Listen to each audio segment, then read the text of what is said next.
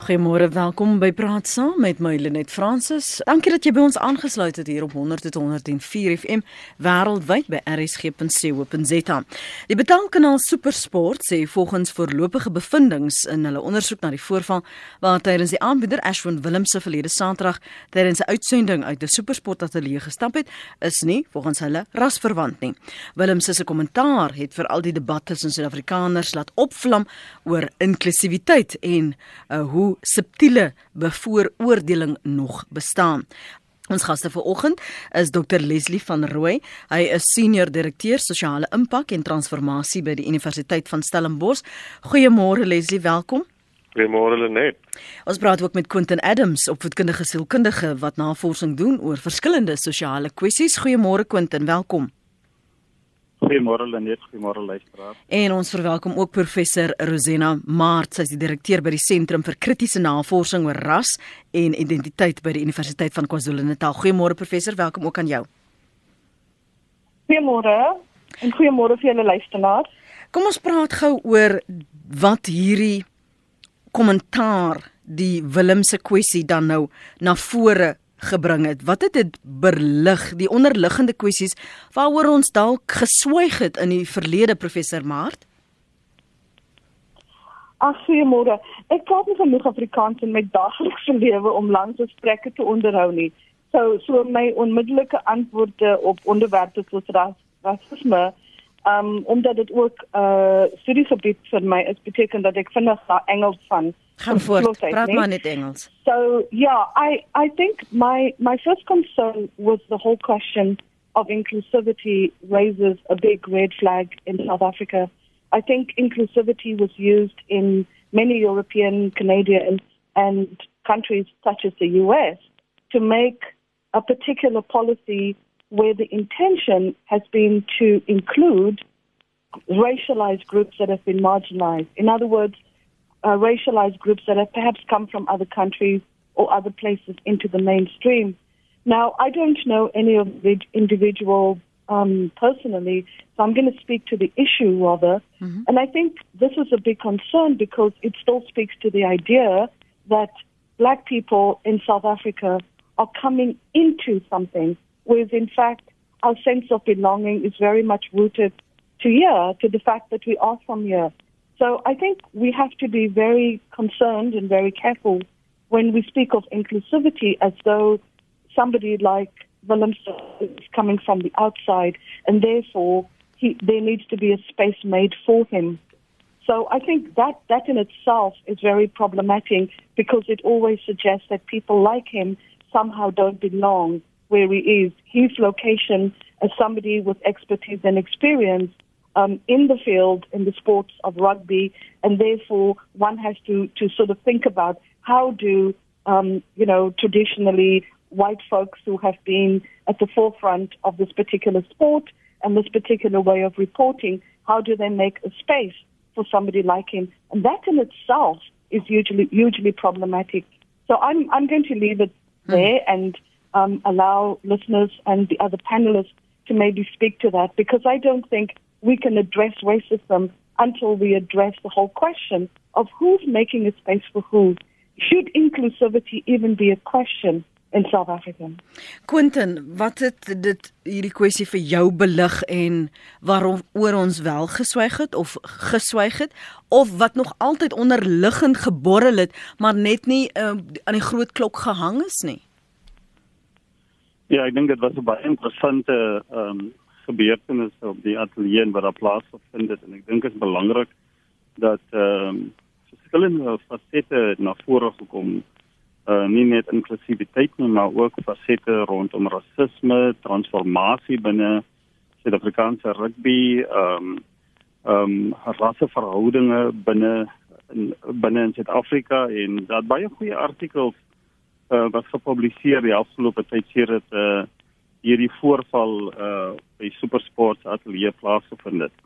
En ek dink uh een van die goed waaraan ek baie gedink het uh want die die oomblik toe dit plaasvind het iemand van my uh gevra ek moet na die Suid-Afrikaanse rugby SA rugby se se Facebook bladsy gaan kyk en ek ek moet vir jou sê ek was ek was stom uh, geslaan uh om te sien die die blaatante rassistiese uitdrukkings en die etikettering van van van van veral bruin mense en ehm um, die die terme wat gebruik was teenoor teenoor Eswel uh, Willemse en ek dink dit is vir my uh weer 'n kykie gegee dat ons weer krities moet omgaan rondom verskeie aspekte waarvan uh inklusiwiteit 'n belangrike gedeelte is.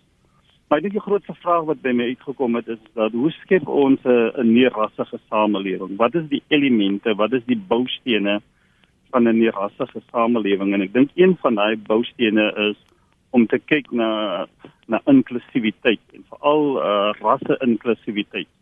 Nou wanneer ons kyk na rasse inklusiwiteit en, en, en inklusiwiteit in 'n baie breë terme, dan moet ons ook kyk na na na uitsluiting. Want ek dink wat wat hier gebeur is vir my baie belangrik ook 'n 'n tipiese verskynsel van sosiale uitsluiting. Nou sosiale uitsluiting en en sosiale marginalisering is is 'n belangrike konsep want wat gebeur as dit praat van die sistematiese blokkering tot regte, tot geleenthede, tot bronne.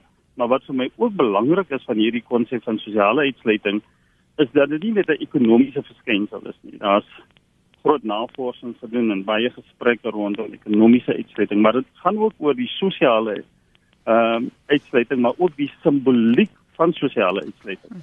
En wanneer dit gebeur met met ehm um, supersport het nou gesê ons weet nie presies wat daar gebeur het nie, maar die uitstap daarvan het beslis sekere elemente na vore gebring en dit is vir my belangrik dat wanneer ons kyk hoe word daar omgegaan met met swart figure, met bruin figure wat op hierdie sosiale status ehm um, funksioneer. En daarom is dit vir my belangrik dat ons baie krities met daardie omgaan van want vir my is dit en ek word geïnspireer hoe transformeer ons hierdie land? Uh hoe skep ons 'n meer rassige samelewing? En daarom is dit belangrik dat ons moet kyk na krities met omgang met sosiale uitsluiting. En daar's baie baie wanpraktyke.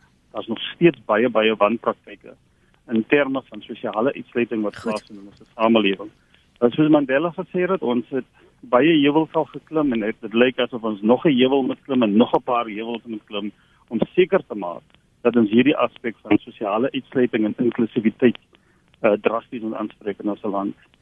Dokter van Rooi, dis ook jou vakgebied. Wat het hierdie diskurs vir jou belig die afgelope week en 'n half?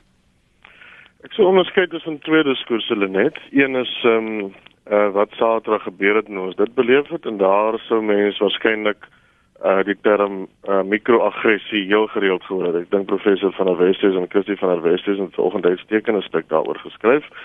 Tipiese voorbeeld van aggressie wat jy moet interpreteer op een of ander manier. Ons kry elke dag met aggressies te doen op 'n mikrofoon.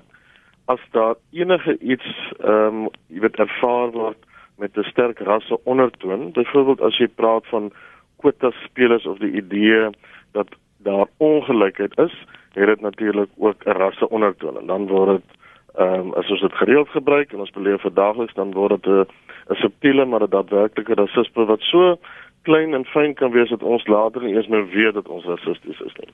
En dan is daar 'n ander diskurs en dis die een wat in die, in die media en waarskynlik veral in die sosiale media plaasgevind het. Uh nou ek self uh ignoreer kommentaare so gereeld as wat ek kan. Ek dink nie ons het in die Afrikaanse media veral gesonde kritiese kommentaare en gesprekke op mm. sosiale media nie. Maar in hierdie geval dink ek was daar veral mense geskok oor blaatante en harde rasisme asof ons in Suid-Afrika glad nie rassisties is nie, nog nooit rassisties was nie en nie weet dat mense rassisties kan wees nie, soos daaroor geskok. Ek dink hierdie klas goed moet ons gewoon ignoreer. Ek dink Suid-Afrika is vinnig besig om te normaliseer waar wat ons stel en wat as aggressie beleef word nie meer net onaangedaan geraak word nie. Ons hanteer dit hard en daadwerklik en die randfigure aan die links en die regs uh, soos wat in goeie gesonde samelewings moet gebeur moet ons hoor, maar ons moet verstaan dat dit randfigure is wat gewoon nie meer in pas is met waar Suid-Afrika is of waar die wêreld beweeg nie. Dokter Mart, stem jy saam met uh, dokter van Rooi want hy verwys na randfigure en dat ons nie moet toelaat dat daardie diskurs dit wat ons probeer bewerkstellig oorheers nie. Maar nou herinner ek my ook aan daardie uitdrukking van when evil flourishes when good men or good men when women do nothing. Kan ons net toelaat dat mm. dit dit daar in die ruimtes hang en dit die pogings vertroebel? Um, I think I've said this before on your show. I think that what's happening is that we're not having enough conversations, and I think this particular show and many like it is doing a fantastic job in terms of airing this dirty laundry, so to speak. The, the questions that I always have when I am either witness to or I made aware of these kind of incidents is that we have to accept a responsibility for the fact that we are agents of the Constitution, of policies on transformation. So we can speak as much as we like about all our policies and, and our wonderful Constitution in the country, so to speak. Um, and that, that is, is flawed in itself. But if we don't take on the responsibility as agents of those particular documents, then we're not going to see the kind of transformation that we're hoping for. I think what I said earlier, the, the question is it becomes very problematic when you have a situation where, and I'm going to say this just roughly, I don't know how Willemse identifies personally, but in terms of even thinking about inclusivity, even thinking about black people having to be included or, or um, making sure that black people are included in these particular areas, such as commentary and sports and other places, is based on this assumption that that particular field belongs to white folks. And, and, and then black people have to be included. Now, that in itself is hugely problematic because it doesn't address the structural, the systemic, the institutionalized forms of racism. I've interviewed many, many um, white South Africans, and you know, um, in in the work that I do, and a lot of the conversation is often centered around, oh, I didn't know, or that is how I was raised, or I wasn't even aware of it. So it, for me, it just always seems to come to the sense of uh, the sort of understanding of, you know, people not questioning their socialization mm. and also not thinking through their sense of entitlement. And I think white entitlement and white privilege in South Africa is precisely about the kinds of things that most white South Africans don't want to claim. They don't want to say, yes, I know that I have white privilege and this is what I'm going to do about it. So it's very well to, to have a, a, political program, which we seek to have in the country, but how, how much do we actually take responsibility for it? So I don't think this is an unusual situation with someone like Willemse walking out for whatever the reasons are. It speaks to the larger issue of who is it that still thinks that everything belongs to them and that black people have to be included. So the, the, for me, the question of subtle racism is, is both perverse and enormously problematic because it almost suggests as though there are certain forms of racism that then becomes acceptable. We all know in the society that we live in that facial gestures, body language, ways in which we interact with one another, way in which we interact with one another in a way that suggests, I'm talking to you, you are part of my conversation. Those are precisely the ways in which racism operates on an individual level, people know how to exclude one another. And those are the things that I think we should pay attention to in our schools, um, in our universities, in our organization, civil society. How do we behave with one another face to face? How do we even make eye contact? How do we recognize that we come with these histories to the table, you know, and to the table of transformation, and we have to take a responsibility to try to unlearn them if they are oppressive. Hmm. Because I think ultimately it speaks down to our responsibility of how we take our identities forward now 24 years after the first democratic elections. Dit dit Quentin het het Suid-Afrikaners bruin swart hoe jy ook al wil identifiseer, het hulle mag oorgegee in die sin van wit mense moet die ruimte skep sodat ons kan aansluit. Is dit ja. waar die klemverskywing is wat beïnvloed die persepsie van die ervaring van meerwaardigheid en minderwaardigheid? Ja, ek dink wat gebeur is dat hierdie insit hou nie so vas 'n uh, uh, Rosina Quentin. Ja. Ek dink hierdie insident het 'n uh, groot reperkusies gehad. Dit het nie net die publieke uh die publiek beïnvloed nie, maar dit het ook politieke partye beïnvloed. Hierdie hierdie insident het sover gegaan uh, selfs na die nasionale parlemente wat daaroor ehm um, gepraat is.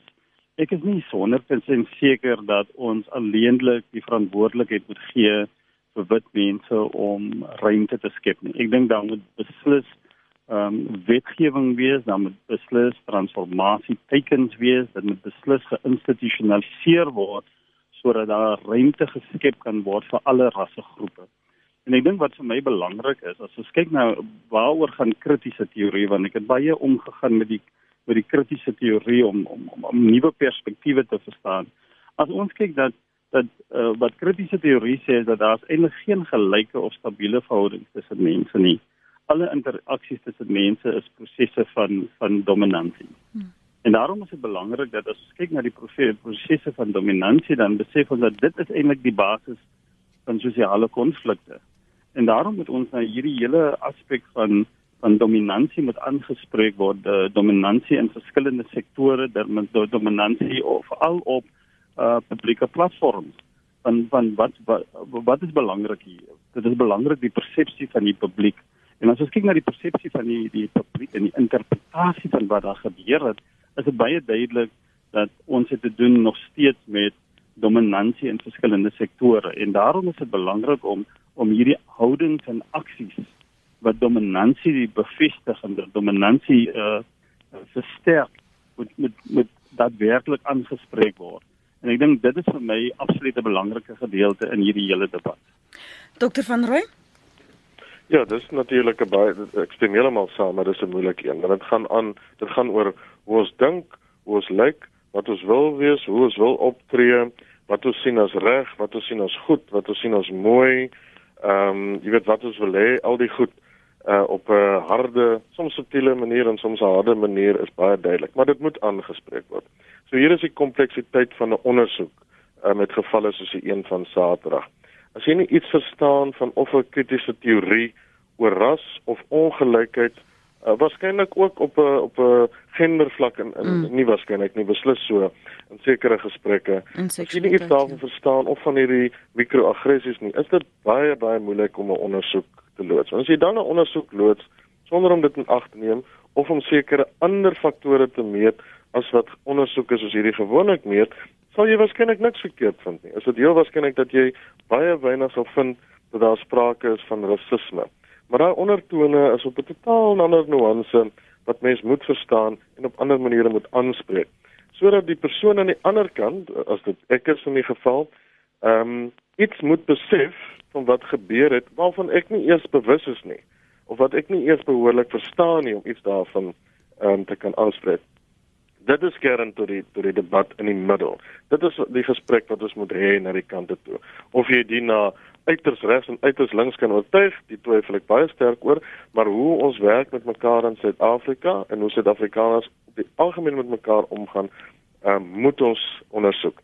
Nou ons is almal ingedeel in hierdie rangordes uh van rasse waansin of dit nou is 'n hoër verstaan van my plek in daai rasse hiërargie of 'n laer verstaan dit is in ons in dit is nie Suid-Afrika se uh unieke verskynsel nie. Dit is um, reg oor die wêreld so en histories is dit natuurlik so ingebou en ingebed wat is goed en wat is sleg en wat is 'n hoër ras en wat is laer en rasse hiërargie absolute nonsens. Maar daai verstaan en onderbou is soms so diep dat ons in ons eie optrede as mense wat hulle uh, wat wie ook al hulle self so beskryf as minder as watter verhouding jy dan nou ook al met watter met wie jy in verhouding wil staan as minder as hulle self die hele tyd of moet meet of moet ophef of moet verstaan op 'n manier ehm um, wat jou jou moontlikhede bevestig. Nou dit is waar vir elke rassegroep. Dit is waar vir wit Suid-Afrikaners, dit kan waar wees vir swart Suid-Afrikaners, wie ook al 'n sosiale magsposisie kan inneem of dit nou uh, vandag die een groep is wat daai magsposisie in inneem of oorneem of op 'n manier bevestig alles dit nie legitiem nie. En of dit oor 100 jaar of 200 jaar anders lyk iets van daardie uh meet van verskillendheid op grond van uh hoe jy dink jy is in verhouding tot die ander sal waarskynlik waar wees. Daaraan moet Suid-Afrika baie hard werk. As ons nie daaraan werk nie herhaal ons daagliks en weekliks en op jare wat nog kom presies dieselfde foute wat ons nie in 'n ander posisie gaan plaas nie. En daarvan het ons genoeg voorbeelde in post apartheid Suid-Afrika. So ek spring eers na jou toe Quentin. Die mees onlangse dalk ver in die verlede 'n 'n voorval, 'n insident waar jy gevoel het iemand tree uh of neerhalend of meerderwaardig of ehm um, subtiel bevooroordeel het oor jou as 'n man of as 'n breinman of as 'n persoon wat 'n sielkundige is of oor jou ras? En hoe ek wil spesifiek weet hoe jy dit hanteer het indien wel. Ja, ek dink uh, 2013 het ek navorsing gedoen vir Shell rondom uh, hidrobreking oor skaliegas in Karoo en uh, een van die versoeke wat uh, Shell en my gerig het was om uh, ook 'n uh, dokument te skryf oor die geskiedenis van van mynwese en spesifiek wat gebeur by by Lonmin. En dit was 'n baie groot taak geweest want ek het nie agtergrond in mynwese nie en ek moes verskillende bronne gaan uh, na raadpleeg en ek het verskillende mense gaan sien het. En dit is veral hierdie kwessie rondom die Lonmin Lonmin situasie en wat daar gebeur het by Lonmin. En ek het toe um, kontak gehad met iemand uh, om die boek van Tiny Rowlands wat die Britse imperialis wat Lonro begin het um, om sy boek te kry en sy biografie na te slaan. En ek sal nooit vergeet nie, dit was in 2013, so 5 jaar gelede, hierdie man gaan sien dit 'n wit Engelse man. En dit is belangrik. En ehm um, toe ek nou om ontmoet en van vir hierdie biografie van Tiny Rowlands ehm um, en hy vra my waarom het ek dit nodig en ek sê ek soek hierdie verband tussen Lonro en Lonmin binne in hierdie uh, dokument wat ek moet skryf en ehm um, hy gee vir my die biografie en nadat hy die biografie gegee het sê hy vir my maar daar's een probleem en ek sal dit nooit vergeet nie ehm um, hy kyk in my oë en hy sê vir my jy moet net verstaan dat mynwese is nie vir vir breinmense nie En ek was totaal geskok geweest dat hy dit pertinent vir my gesê het. En toe gaan hy verder om te sê dat julle so baie sosiale probleme, daar's so baie sosiale uitdagings. Dit is waarop julle moet fokus. En ek moet vir jou sê dat dit het vir my uh baie ek het was baie verantwoordig geweest en en as ek ook kyk na die statistiek in die Weskaap, as ons praat oor mynwese en en wie die eienaars en wie besit mynwese, dan is daar baie min brein swart mense wat regtig eienaars in die Weskaap is van van mynwese. En en en dit was een van die van van hierdie insidente wat vir my na 94. Daar's natuurlik baie ander insidente. Uh -huh. Hierdie was vir my 'n vars insident. Dit was onlangs gewees dat daar nog hierdie etikettering is, dat daar nog hierdie goed. negatiewe sosiale stigmatisering is. Dat seker goed uh, word nie is nie uh in bronne en en geleenthede en regte. Hoe jy dit hanteer? Uh, vir sogenaamde breinmense nie. Hoe jy dit hanteer? En, en dit was een van die insidente. Hoe jy dit hanteer? Dit het vir my baie moeilik gewees en uh, ek ek bedoel dit het vir my uh, verskillende prosesse moet ek weer gaan self ondersoek is dit vir ons is dit nie vir ons nie waarom word ons geetiketeer waarom is daai siening daar en dit was vir my interessant dat dit was 'n 'n baie lang proses uh, wat ek moet weer gegaan het om net dit te verwerk dat daar nog steeds hierdie standpunte is en dit is een van die aanduidings dat ons nog baie uh, ekonomies uitgesluit is. Dr van Rooi Ja, natuurlik beleef ons daagliks allerlei aggressies. Ehm um, en as jy hierdie aggressies beleef, moet jy dit meet. Jy moet bepaal of dit te doen het met jou geslag, of dit te doen het met jou ras, of dit te doen is met jou ouderdom, of dit bedoel is of dit onbedoel is en so. Want niemand van ons hoef 'n term te verstaan om te weet hoe jy voel uh, mm -hmm, as jy of ja. op 'n neurale manier iets ja. beleef uh, of uh, jy weet op 'n baie direkte manier as dit beleef en dit beleef ons op 'n daaglikse basis as Suid-Afrikaners en en dis nie van rooi is nie uitsondering daarmee nie. Wat my baie help is om om 'n paar goed te verstaan. Een jy moet kan sin maak van wat wat gebeur en wat gebeur het. Jy moet beslis iets van jou eie identiteit verstaan.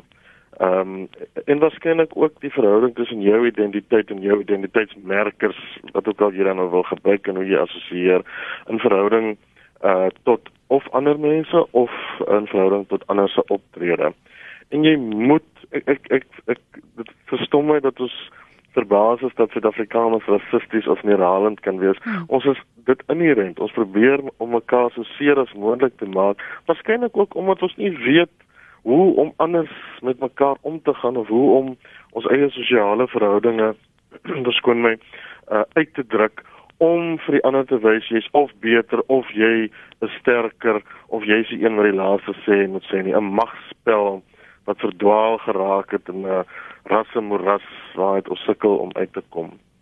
Maar ek dink daar's ook 'n sterk verskille in generasies. Uh, ek sien geen swart studente hier swart inklusief uh, wat meer sal terugstaan vir aggressies nie, ook nie swart kollegas nie.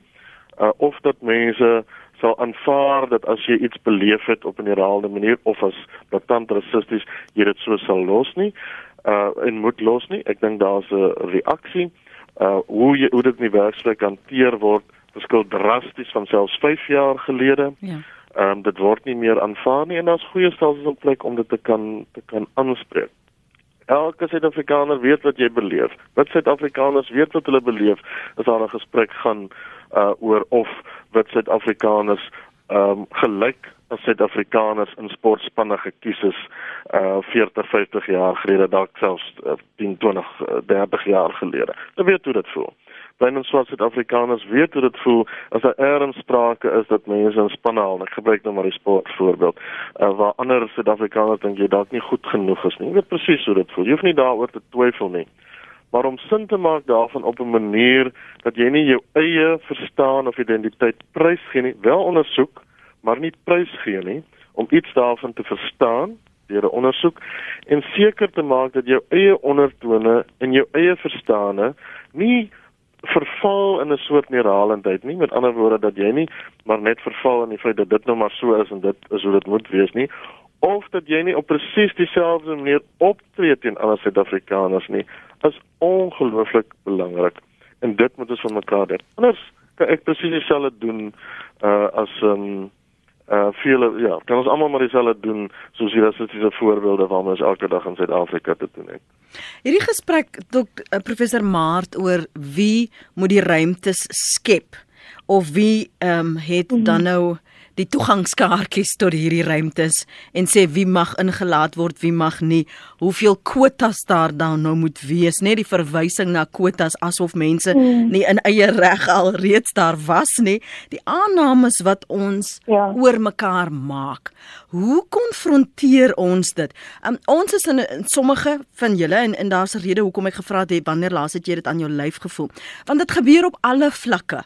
Um mm. dit is nie net of jy die leksikon het of die woorde woordeskat het om dit te verwoord nie, maar jy voel dit aan jou lyf. So so hoe moet jy dit konfronteer indien jy bemagtig genoeg voel om dit te doen?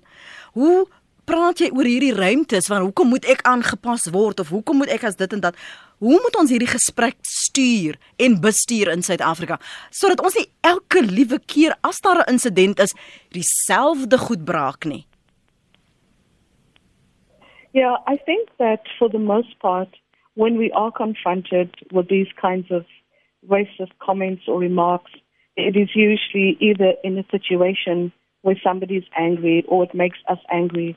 Sometimes it's in a personal capacity, sometimes it's in a professional capacity, and I think responses often differ because if you if it's in your personal capacity, in other words, if you're out at a social event, you may have a very different response um, and, and in my case, also in a, in a professional capacity, I've had um, situations where I've either applied or I've been shortlisted for a position within work that has traditionally been held by a white man and have been questioned by either that particular white man or his colleagues as to the contents of my CV.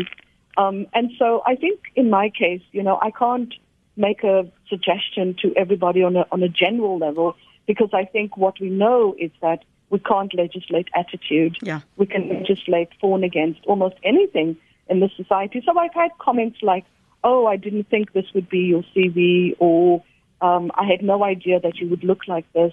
Now, I'm from the Cape. Many South Africans, uh, younger and older than myself, don't always know the history of the calendar surnames in the country. And so when somebody has said, I didn't think you'd look like this, I would generally say, I'm from the Cape, I'm from District 6. This is how my surname came to into being, you know, the history of enslavement at the Cape. Um, and that's because I'm an educator. But if I'm in a situation where, um, you know, somebody um, in a personal capacity had said to me once because I'd ordered a book on, on the phone, um, and, and now this particular incident, you know, was, was in my personal capacity, and I showed up to collect the book, and this person thought he was making a joke. and she said, "Oh, you know, your your voice doesn't match your face," or or something to that to that effect. And I said to her, "Oh well, you don't look like a moron either." Um, so you know, in my personal capacity, I may be uh, facetious, joke about it, um, you know, be sarcastic or whatever, but I wasn't going to let anybody put me in a position where I have to prove myself to them because I refuse to prove myself to anyone. And I think part of what I see in terms of the research work is the fact that it's the attitude that needs to that needs to change, and we need to push or perhaps encourage people to think about their attitude. And you know, it's it's hard when things happen in situations where somebody's angry. And in the kind of research work that we've done around the country, we see most situations that flare up out of anger. And so there isn't the possibility for people to sit down and mm. say, well, how did I come to this particular position? And I think, you know, whether we have workshops or in, in our day to day lives, talk to people about what is the way that we come and talk about this on a social level, even, it becomes very, very complex because people are usually enraged. And that's one of the things that I've learned being South African is never to come to this discussion with rage. Kom ons hoor en lees wat skryf van die luisteraars op sosiale media. Ruri sê klasse verskil gaan daar altyd wees. Maak nie saak om watter kleur jy val in Suid-Afrika nie. Ek is wit en ek wil ook nie meng met wit persone wat my ongemaklik laat voel nie. Almal moet tog nie so lig geraak wees nie. Alles is wragtig nie rassisties nie. Dit gaan ook oor wat die heeltyd gepraat word in die media en mens glo dit. Vind vir jouself uit. Ons het vriende van alle kleure. Ek sal eerder met iemand van kleur vriende wees met my met respek behandel as 'n wit persoon wat my afbreek. Dit gaan oor klas en nie ras. Klas is ook nie uh goed nie, dis maniere en respek vir ander. As jy ryk is, beteken dit nie jy het respek vir ander outomaties nie. As ek nou so verder aan beweeg, dan is daar uh was dit Dries wat sê: "Vreemd dat almal nou die sogenaamde politieke binnengaping uh probeer vat oor 'n saak wat volgens News 24 niks met rasisme te doen het nie. En dan uh, praat hy oor wat dan nou op stel sou gebeur het en wat produksielede op uh, die stel die sportstel daar by Supersport beweer en hy brei daarop uit. En dan sê hy as jy 'n professionele hoedanigheid aangestel word, tree dan so op, moet nie altyd terugval op die rassekaart nie. En skryf Hilda, niemand wat nie self rasisme ondervind het nie, sal verstaan hoe seer dit maak nie. Ek het by 'n bruin kollega gewerk en daar het ons as enkele wites rasisme in sy ergste vorm ondervind vind. Weet nie of ons moet opstaan en loop en of ons moet bly nie. Dit het my geleer hoe seer dit ander mense kan maak en hoe bedag ek moet wees om nie kleur raak te sien nie. Ek hoop jy en jou gaste besef dat rasisme ook van die ander kant kom, maar dit word nooit aangespreek nie. En dan uh sê Marius, uh die gaste gee slegs die linkse perspektief op die program. Dit raak 'n echo chamber waar die linksdenkendes mekaar surgies warm vryf. Terme soos mikroaggressie en white privilege is tipies linkse retoriek. Sogenaamde mikroaggressies is totaal subjektief in die persoon se eie mindset. Dit is Marius Kurtse se mening daarin. Dan loer ek na wat skryf julle hier op ons SMS lyn. Hierdie is nie net 'n rasse ding nie, maar 'n kultuur ding.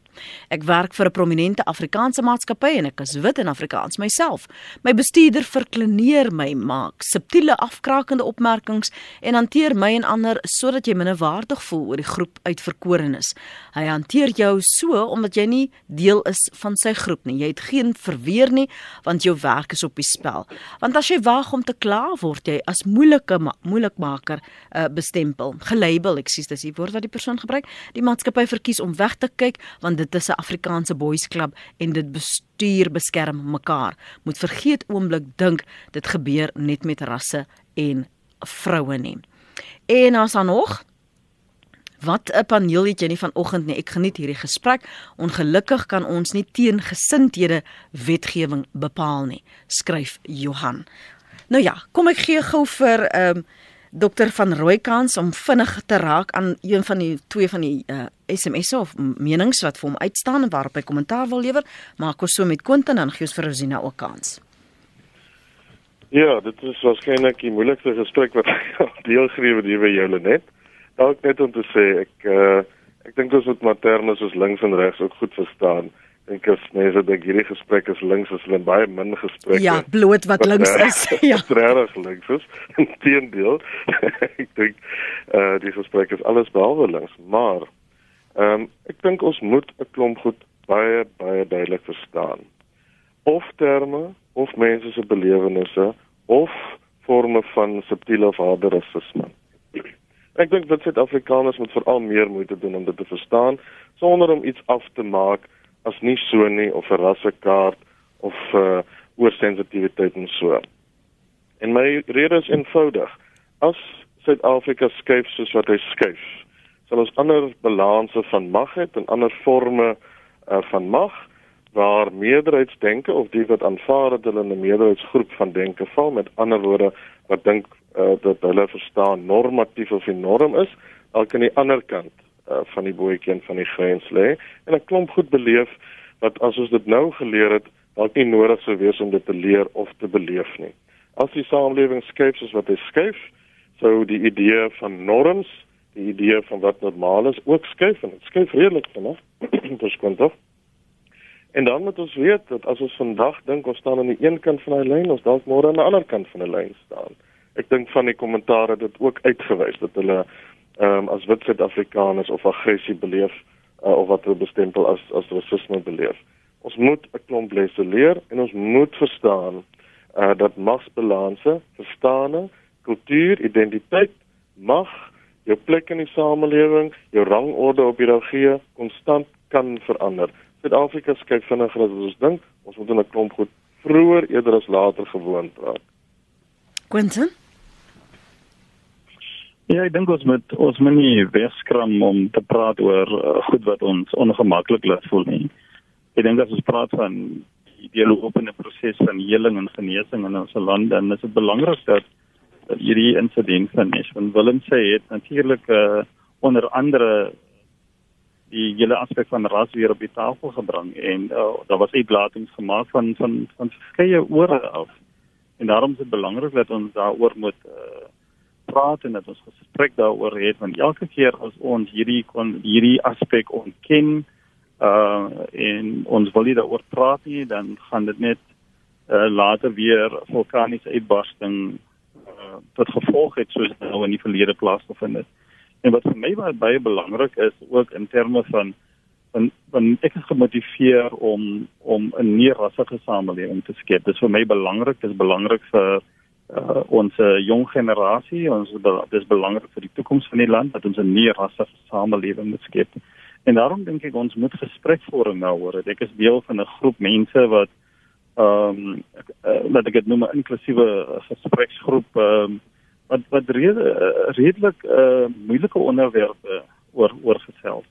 En ek dink dit is vir my belangrik. Daar's twee aspekte wat vir my belangrik is is dat ons met die die die korrekte taal het. Mm. Dit is taal uh absoluut belangrik. Uh hoe lyk nie rassige taal? Uh hoe spreek ons mekaar aan? Hoe verstaan ons mekaar? En ek moet vir jou sê dat net 'n luisteraar dat die die rassepolarisasie wat tans gebeur in ons land sê vir my dat ons moet weer hierdie kodessa geleenthede moet ons weer skep. Ons moet weer platforms skep en publieke platforms uh, moet ons weer skep om, om hierdie gesprekke te hê en mense met verskillende uh, agtergronde, mense met uh, uiteenlopende standpunte uh, moet ons weer bymekaar kry. Ons moet dit in die jeugtakke, ons moet dit in die politiek, ons moet dit in die godsdienste domein met ons weer hierdie gesprekke begin hê en hierdie Essen uh, Willens se se insident het vir my verwys dat dat die rassespanning en die rassepolarisasie is skommerwekkend en ek weet ons nou al baie bereik dat baie integrasie dat baie inklusiwiteit hmm. maar ek dink ons sal nog verder dieper model binne onsself uh, oor ons eie persoonlike ehm um, geïnternaliseerde rasisme en ek dink dit moet aangespreek word En daarom is dit belangrik dat ons hierdie gespreksvorms met het en ons moenie bang wees om daaroor te praat nie. Ons moenie bang wees om oor die historiese agtergrond van rasisme uh dan natuurlik misverhouding. Wat gebeur in die in die werksplek? Wat gebeur op op op op die op die skole? Ehm um, daar's baie integrasie, daar's baie inklusiewe uh, spanne en ek dink een van die beste voorbeelde op hierdie stadium is wat gebeur in in, in cricket Afrika. Uh as ons kyk na die samestelling van span, wat het cricket Suid-Afrika gedoen om so 'n gebalanseerde, inklusiewe, topgehalte spelers te kan kry? Ek weet rugby sukkel daarmee. Ehm um, ek weet nie hoekom rugby sukkel nie, daar's baie redes hoekom rugby sukkel en daar's baie ander sportsoorte wat maar ons het ook baie goeie voorbeelde van inklusiwiteit en hoe ons land omgaan met inklusiwiteit. Maar ek dink ons het nog 'n baie lang pad om te stap en ons moenie bang wees om gesprekke te hê, gesprekvoering te hê en te praat oor dit wat wat moeilik is, wat ons ongemaklik maak nie. En vir my is dit belangrik dat dit moet gaan oor landsbelang en nie oor eie belang. En wat gebeur as ons kyk na hierdie uh die konflikte dan lyk dit asof uh rassegroepe hulle self wil beskerm en en en en seker maak dat hulle laer trek en daarom is dit belangrik dat ons moet kyk na wat is in in uh, belangrik in terme van landsbelang. En vir my landsbelang op hierdie stadium is 'n 'n kernaspek van landsbelang is die meerrassige samelewing wat ons moet skep. En ek dink ons het ambassadeurs nodig wat die voortou kan neem en ek en ek dink dit is belangrik dat ons kruiskultureel moet kan kommunikeer met mekaar hmm. en en en meer verstaan van mekaar en ek dink dis absoluut belangrik in terme om die land vorentoe te neem. Die laaste woorde vir vanoggend oor hierdie gesprek vir nou is aan jou professor Maart. Dankie. Um I think that part of the comments that was offered by the listeners through SMS and emails speaks to the broader functioning and operation of of racism as well as I think what we often experience in terms of discrimination, be this in the workplace or outside. I think as a as a nation, we still have a sense of this is my culture. We don't think of it as our culture. And in my day-to-day activities and when I've gone out to do research work with students or on my own, when I've interviewed people, this has become very clear. Um, I think one of your um, listeners also brought that uh, to, the, to our attention this morning of how discrimination happens in certain places um, because of culture, because of class, because of different forms of identity. It speaks to the fact that we don't necessarily know enough about the different cultures and the different ways in which people's identities have been formed.